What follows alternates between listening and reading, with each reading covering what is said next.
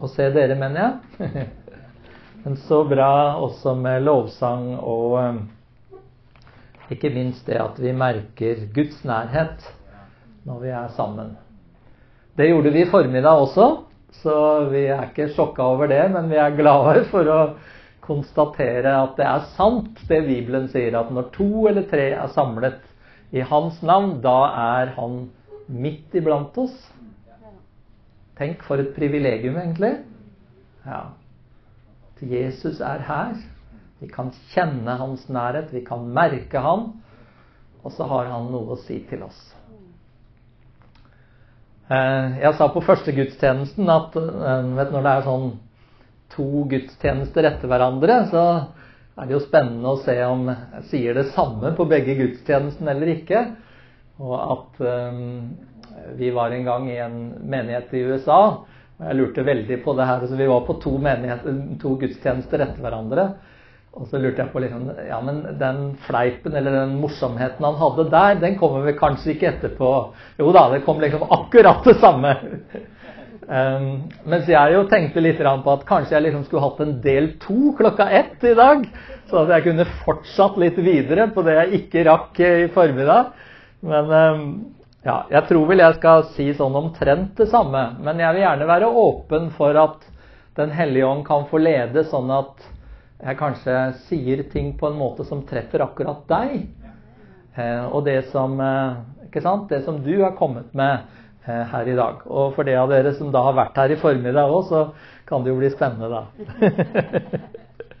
Halleluja. De har beveget seg fra hvor de var i formiddag og helt hit, så nå er det eh, ja, ny forsamling. Men jeg har gledet meg til å dele med dere. Eh, og jeg skal på mange måter fortsette litt i det sporet som Morten har eh, delt noen søndager, pastor Morten her, om det å ta et skritt sammen med Jesus, og så se hvordan han griper inn. Og jeg har satt som overskrift på det jeg skal dele, hvordan Gud kan gjøre under i en håpløs situasjon.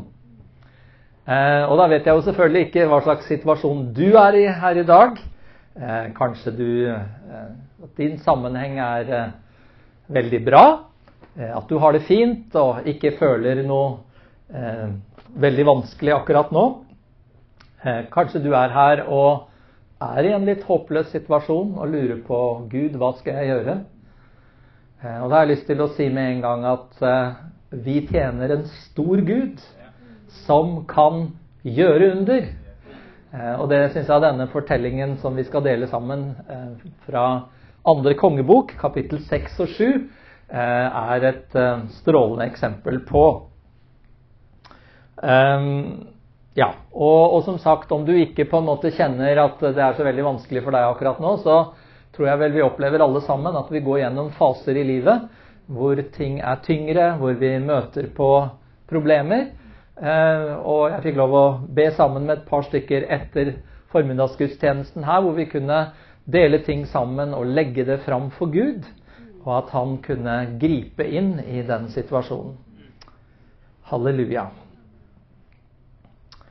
Uh, ja, jeg pleier jo å ha sånn trepunkts prekener, og lenge trodde jeg jeg bare hadde to punkter i dag. Men uh, jeg tror det ble litt sånn Først så snakker vi litt om problemet eller situasjonen, og så kommer løsningen, og så litt hva kan vi lære av det. Så da blir det vel omtrent tre punkter kanskje likevel. Vi, vi får se. Men la oss begynne sammen. Andre kongebok, kapittel 6, og fra vers 24. Uh, og I min bibel så står det da overskrift 'Krig og hungersnød'. Eh, i Samaria. En tid etter hendte det at arameerkongen Ben-Hadad samlet hele sin hær og dro opp og beleiret Samaria. Beleiringen varte så lenge at et eselhode kostet 80 shekel sølv, og en kvart kabb duemøkk kostet fem shekel. Og uten å gå altså jeg bare stoppe et lite øyeblikk der, uten å gå altfor langt ned i mål og vekt her osv., så, videre, så er det eh, forfatteren eller skribenten her forsøker å fortelle oss, det var at her sto det ganske dårlig til.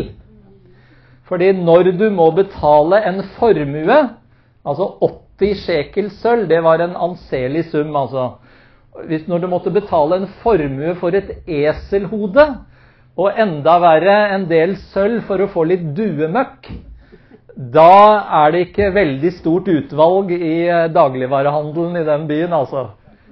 Det var hungersnød, det var vanskelig, det var en desperat situasjon. Rett og slett. Og hvis vi leser videre, så ble det enda verre. En dag Israels konge gikk fram og tilbake oppe på bymuren, ropte en kvinne til ham, 'Hjelp, herre konge.' Han svarte, 'Om ikke Herren hjelper deg, hvor, skal jeg hente hjelp? hvor skulle jeg hente hjelp til deg?' Fra treskeplassen eller fra vinpressen? Og kongen spurte, 'Hva er i veien med deg?' Hun svarte, 'Denne kvinnen sa til meg, 'Kom hit med sønnen din, så spiser vi ham i dag, og så spiser vi sønnen min i morgen.' Vi kokte sønnen min og spiste ham. Neste dag sa jeg til henne, 'Kom nå med sønnen din, så spiser vi ham.' Men da gjemte hun gutten sin. Da kongen hørte kvinnens ord, flerret han klærne sine, og siden han bymuren uh, Unnskyld. Og siden han gikk oppe på bymuren, kunne folket se at han bar sekkestrie innerst på kroppen. Måtte Gud la det gå meg ille både nå og siden, sa han, hvis hodet til Elisha, Shafats sønn, skal bli sittende på ham dagen ut. Og profeten Elisha, det, eller Elisha var altså profeten i Israel, i Nordriket på denne tiden. Eh, og kongen, det var kong Joram, eh, som var sønn av Ahab og Jesabel. Eh, sånn, det er rundt 850 før Kristus. Jeg har bare lyst til at du liksom skal ta situasjonen litt innover deg. Eh, byen er beleiret. Det er hungersnød. Det er fortvilelse. Og her, som også i våre liv, så kan man jo lure på liksom, hvordan havner man i en sånn situasjon. Og noen ganger så har vi ikke så gode svar på det. Vi kan havne i vanskelige situasjoner rett og slett fordi vi er mennesker i en verden som eh, hvor det er sykdom og død og forgjengelighet. Eh, vi vet at vi også har en fiende. Bibelen kaller han en tyv, som er ute etter å stjele og drepe og ødelegge. Veldig dårlig valgprogram han har, men han har stor innflytelse dessverre likevel.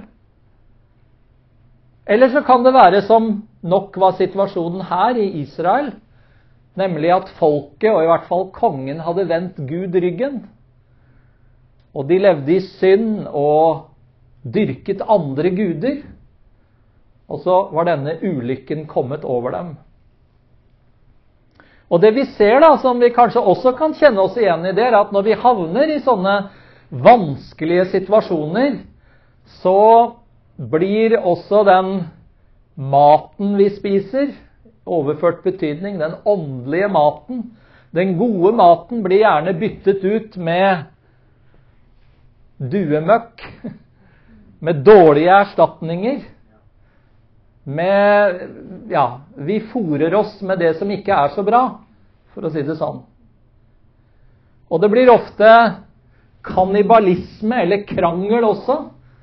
Enten det er eh, ja, det kan være i en menighet, det kan være i en nasjon, det kan være i en familie. Ikke sant? Vi skylder på hverandre. og 'Hvorfor er vi her?' og 'Det er din skyld', osv. Og, sist, men ikke minst, sånn som kongen gjorde her også. Det er profetens skyld. Eller det er Gud som har skylda. Hvis ikke Gud eh, gjør noe her, hva skal jeg gjøre da?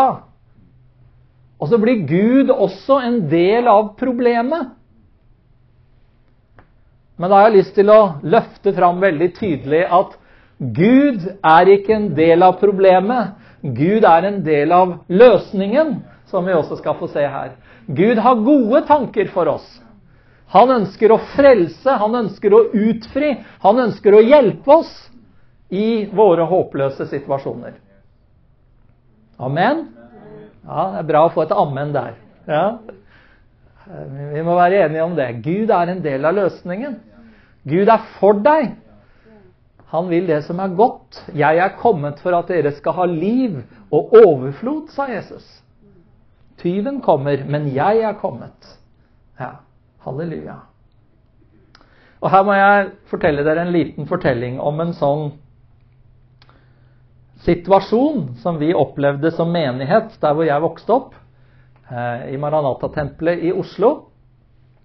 Det var en sånn håpløs situasjon. Og jeg skjønner, og skjønte da jeg liksom forberedte skulle dele denne fortellingen, at jeg må prøve å oversette litt her. fordi det er en del år siden, og vi lever i en litt annen økonomisk virkelighet nå enn det vi gjorde den gangen. Men eh, jeg var vel kanskje 15 år da, så det er et par år siden, som dere skjønner. Eh, kanskje enda bedre enn å se på meg, så kan jeg fortelle at renta på den tiden var på 9,5% Og den skulle gå opp til 13% på et lån som menigheten hadde. Og Dette var et lån som vi hadde hatt som menighet i ti år etter å ha bygget i Oslo sentrum. Eh, menigheten hadde også et annet lån, så vidt jeg vet. Men dette var da liksom noe som ble løftet fram i menigheten som et bønneemne. At nå må vi be Gud om et mirakel, fordi i ti år har vi nå betalt renter på dette lånet. Og, og det var et lån på en million. Så det her liksom å prøve å multiplisere litt og sette det over i vår kontekst nå.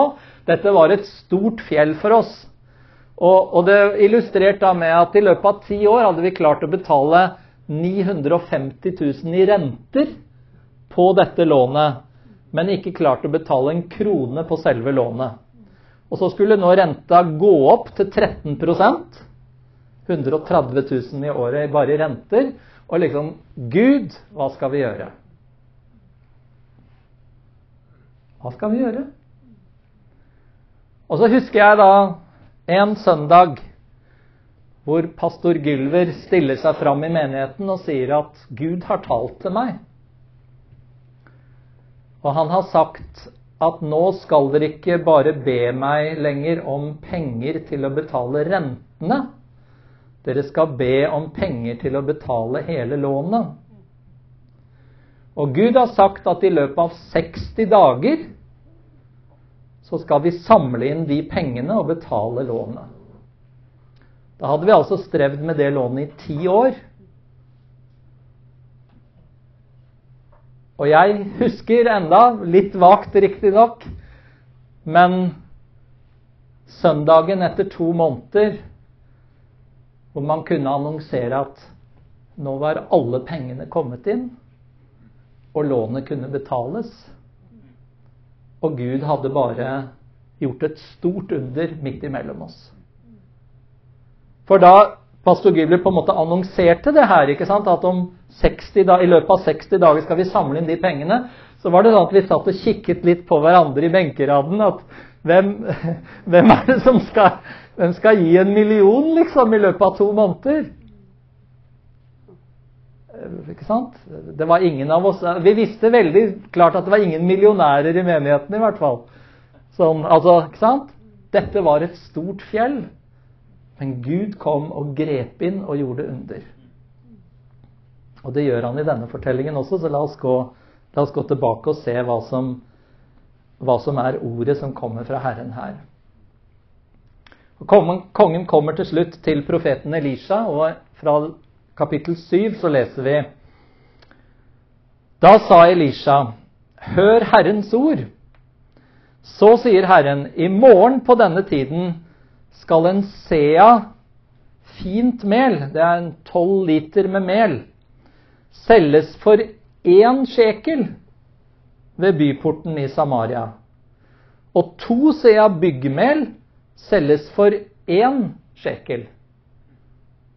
Altså det kostet 80 sjekel for et eselhode eh, i stad. Men nå kan du altså få 12 liter fint mel isteden.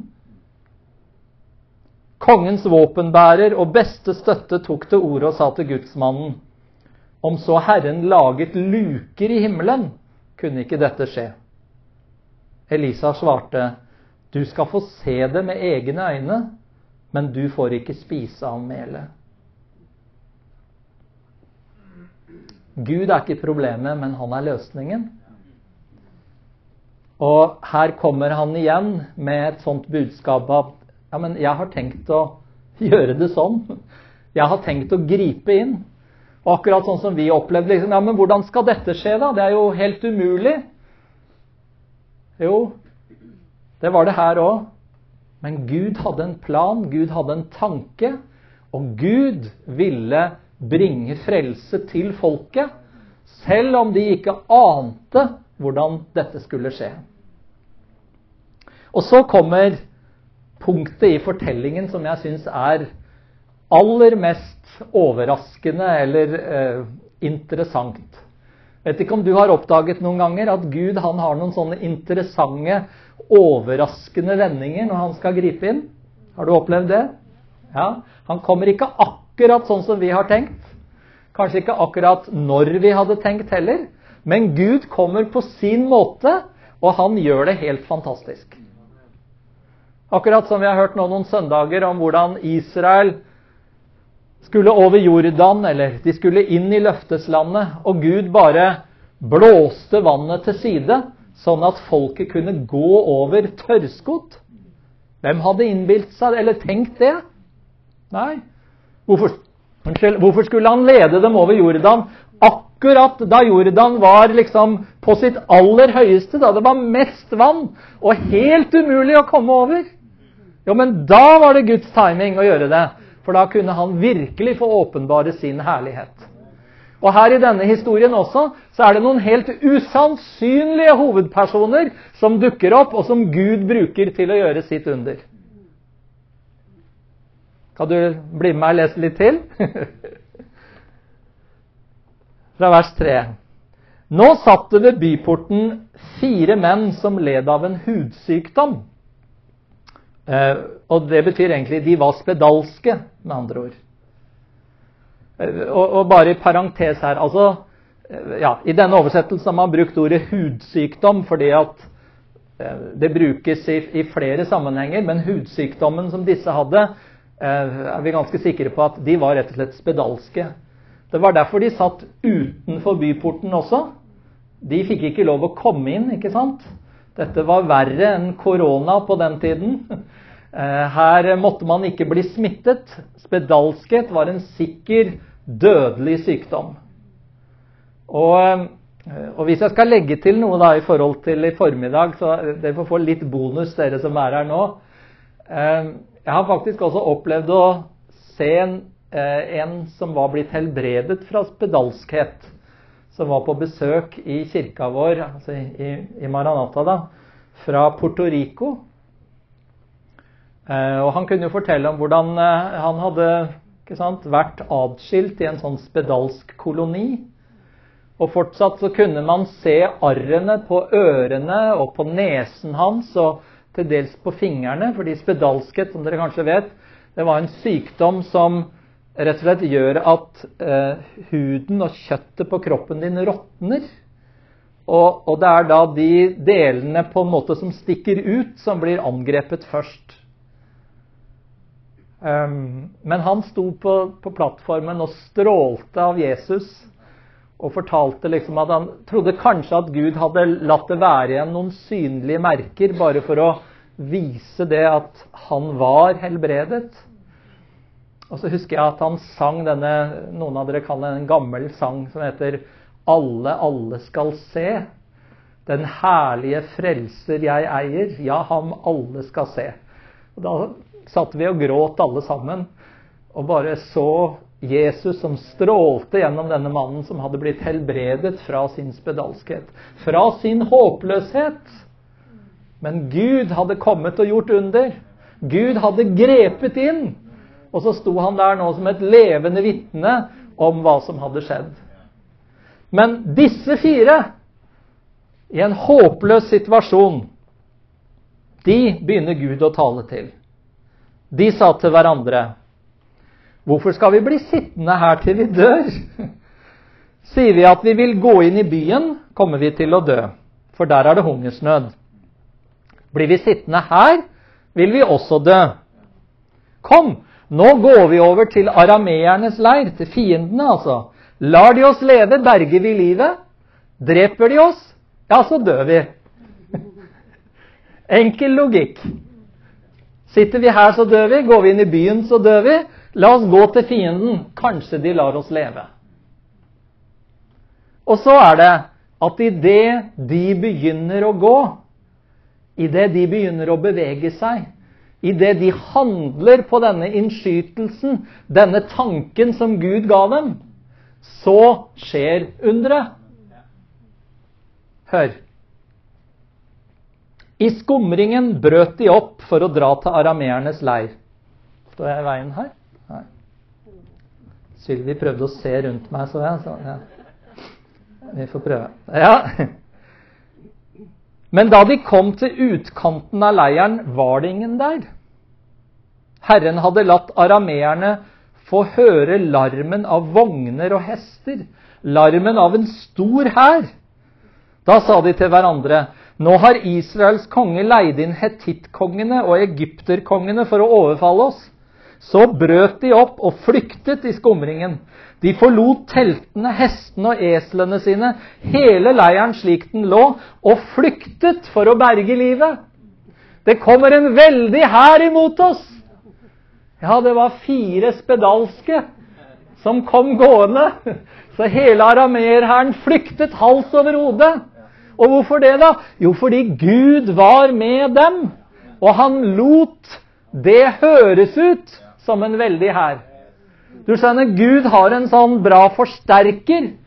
Han kan forsterke det lille vi gjør, og mangfoldiggjøre det, sånn at det får en voldsom effekt og blir mye mer enn det vi til og med forstår å tenke og be om, sier Efeserbrevet. Halleluja, kan du si der. Amen! Det er masse historier i Bibelen om dette. Tenk på gutten med brød og fiskene. Ikke sant? De forskjellige som kommer med det lille de har til Gud.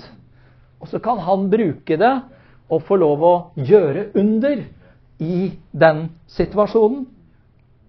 Vi må bare lese ferdig. Da disse mennene med hudsykdom eller spedalskhet kom til utkanten av leiren, gikk de inn i et telt hvor de spiste og drakk. De tok med seg sølv, gull og klær og gikk bort og gjemte det. Så kom de tilbake og gikk inn i et annet telt. De tok med seg det som var der også, og gikk bort og gjemte det. Men så sa de til hverandre, det er ikke rett, det vi gjør nå. Dette er dagen for gode nyheter. Tier vi og venter til morgenen gryr, fører vi skyld over oss.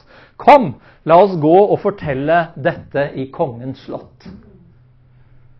Og så er jo kongen først litt skeptisk. Dette må være et triks fra fienden. De ligger nok i bakhold et eller annet sted. Men så var det noen kloke rådgivere da, som, som sa at ja, men send nå noen ut for å se, da, konge. Tenk om det er sant. Og så gjør han det, og så kommer de tilbake og melder det. De har flyktet over Jordan. Det er trygt. Vi kan gå ut. Og så strømmer folk ut og finner mat og klær og rikdommer. Alt det som fiendehæren hadde etterlatt seg. Og så går det i oppfyllelse akkurat det som profeten har sagt. At dagen etter så var det mulig å kjøpe fint mel for en slikk og ingenting i forhold til det de hadde betalt for duemøkk dagen før.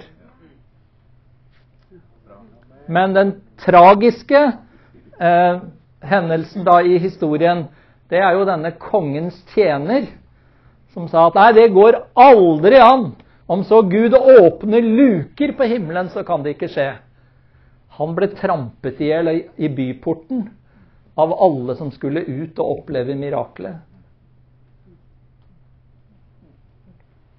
Hva kan vi lære av dette? Jo, jeg har sagt en del allerede om det med å ta et skritt i tro at hele Guds rike egentlig fungerer på denne måten. Jeg vet ikke, jeg har prøvd å tenke Hva følte Gylver på en måte da han stilte seg fram og sa dette? At Gud har sagt til meg at i løpet av 60 dager skal vi samle inn en million. Han hadde ikke de pengene. Ikke sant? Det er risikabelt, det der. Men hvis han ikke hadde tatt det skrittet i tro, så hadde vi heller aldri opplevd det miraklet. hva? Hvis ikke disse spedalske hadde begynt å gå, så hadde arameerhæren jeg holdt på å si vært der enda, men, men da hadde det ikke blitt noen løsning på beleiringen heller. Hvis den bortkomne sønnen hadde blitt værende der sammen med grisene og ikke bestemt seg for at Vet du hva? Jeg vil reise meg og gå opp igjen, eller gå tilbake til min fars hus. Ikke engang tjenerne mine har det sånn som jeg har det. La meg gå tilbake og spørre om å få være en tjener. Og hva skjer når han kommer tilbake? Akkurat sånn som vi sang her, så møter far, som er et bilde på Gud, han med kjærlighet.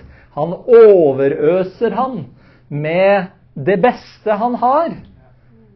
Og sier nå må vi ha fest og glede, for min sønn som var borte, han har kommet tilbake. Nå må vi glede oss. Sånn er Gud. Halleluja. Han møter oss selv om vi ikke fortjener det. Han arbeider med oss med det lille som vi er i stand til å gjøre. Så kommer han og gjør miraklet. Når vi setter oss i bevegelse, så kan Gud få gjøre store ting. Halleluja.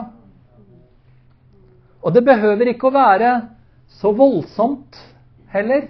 Altså, Du må ikke få en sånn enorm åpenbaring for å gjøre noe. Disse spedalske de resonnerte jo egentlig bare ganske logisk. de. Hvis vi bare sitter her, så dør vi. Ja.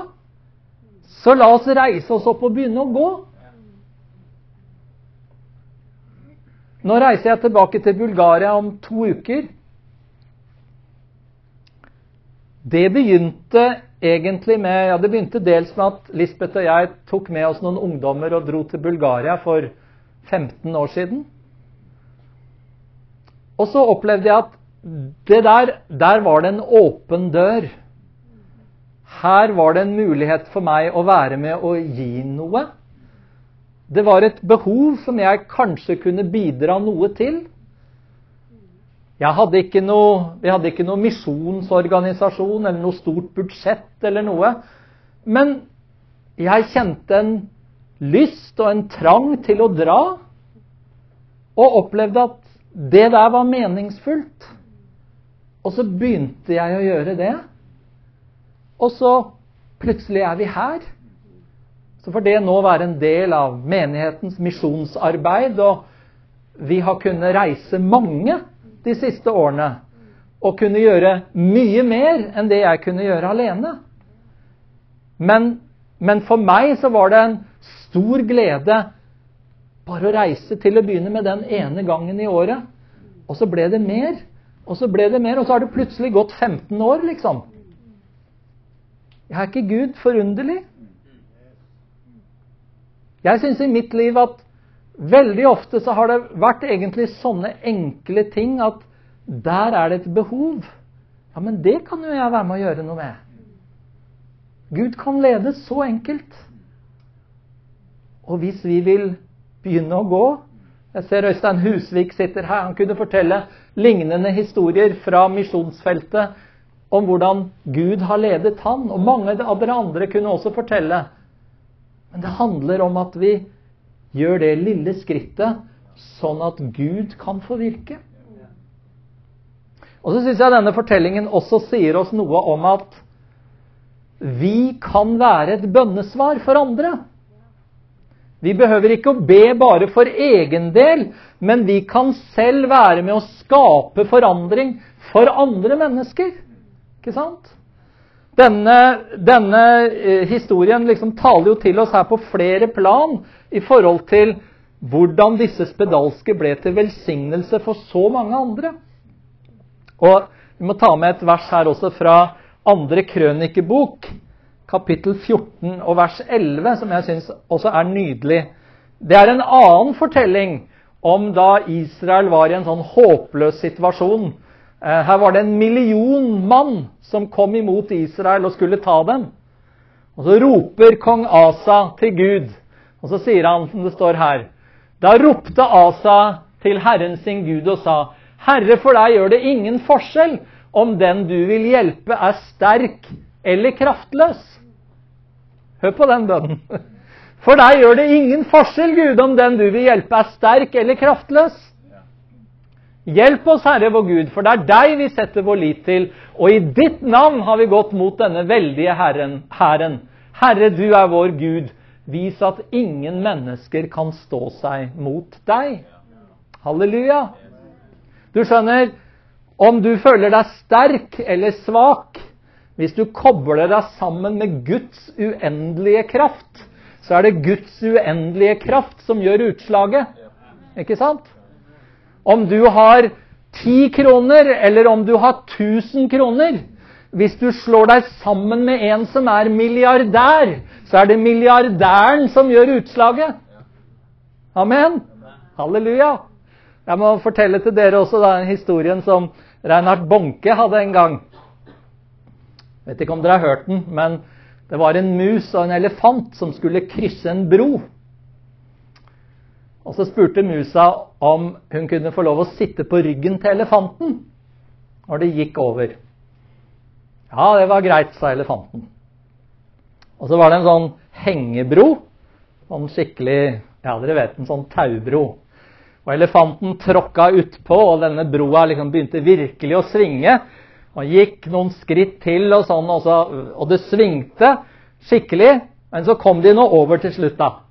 Og så på andre siden så piper musa da at liksom Du, vi fikk virkelig broa til å svinge, hva?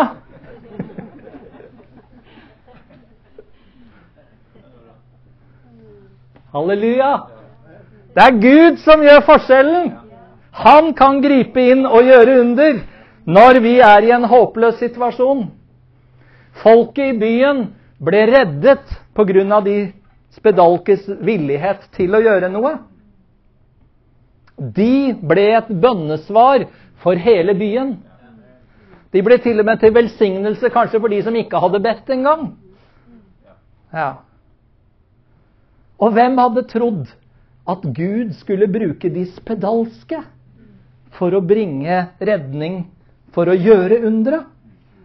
Ingen hadde regnet med dem. De kunne jo også sagt at nei, vi har nok med våre egne problemer. Det her får dere liksom andre finne ut av. Og historien forteller ikke noe mer om hvordan det gikk med dem og deres spedalskhet.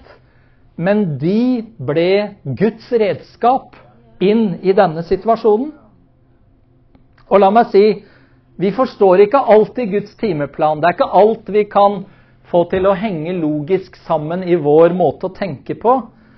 Men det Gud ber oss om å gjøre, det er å stole på Han. Salme 37, 37,5 sier Stol på Nei, ja, nå begynte jeg på vers 4, men vers 5 som det står her Legg din vei i Herrens hånd. Stol på Han, så griper Han inn. Ja. Og en av de som jeg ba sammen med, minte meg på at ja, det er jo normaltemperaturen vår. Det er der vi bør være. ikke sant? 37,5 grad. Det er der eh, tempen vår skal være. Men til slutt også La oss ikke være som denne kongens tjener, som lukket hjertet sitt i vantro og ikke fikk ta del i det miraklet som Gud gjorde. Han sa om Herren så laget luker i himmelen, så kunne ikke dette skje. Gud er større enn våre tanker, enn våre begrensninger. Så la oss ikke stenge hjertet for hva Gud vil gjøre, men være åpen for Han. For vi tjener en stor Gud, og ingenting er umulig for Han. Amen. Amen. Skal dere komme opp, lovsangere? Halleluja, Jesus. Kanskje vi kan reise oss opp, alle sammen?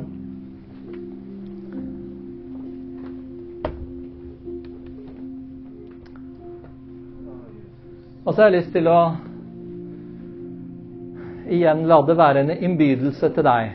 Om du ønsker å komme fram, at noen skal be sammen med deg, eller om du ønsker bare å henvende deg til Gud der hvor du står. Så ønsker jeg at du skal si Eller jeg vil invitere deg i hvert fall til å si om du er i en vanskelig situasjon akkurat nå, kan du løfte den fram innenfor Gud og si, 'Herre, jeg vet ikke hva jeg skal gjøre.' Men jeg vil tro at du har en utvei. Jeg vil stole på deg, Gud. Jeg vil komme til deg og be deg om hjelp. Og så har jeg lyst til å invitere oss også til å si at Herre, jeg ønsker å være et bønnesvar. Jeg ønsker å være et redskap som du kan bruke til å bringe velsignelse til andre. Kanskje du føler at du ikke har så mye å komme med. Men det spiller ingen rolle hva du opplever du har eller ikke har av ressurser. Det er Guds rikdom som er det som gjør forskjellen. Vil du si, 'Herre, jeg vil, bruke, vil du bruke meg?' Herre, jeg vil være åpen for å gå din vei og gjøre det du vil jeg skal gjøre.